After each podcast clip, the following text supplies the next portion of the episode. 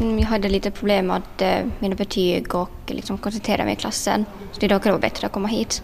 Eh, Det är mindre klass så att lärarna kan hjälpa en bättre. Så man kan liksom fråga mera och liksom, man får mer hjälp och man kan jobba mer självständigt som jag tycker om att göra. På vilket sätt skiljer sig undervisningen från tidigare? Eh, Den skiljer sig inte så jättemycket. Liksom att lärarna försöker förklara det på ett bättre sätt om man inte förstår. Men annars skiljer det sig mycket. Men vad tycker du om den här tanken att man har mera prao än i andra skolor, det vill säga att man får fara ut på arbetsplatser och bekanta sig med hur det är i det riktiga arbetslivet?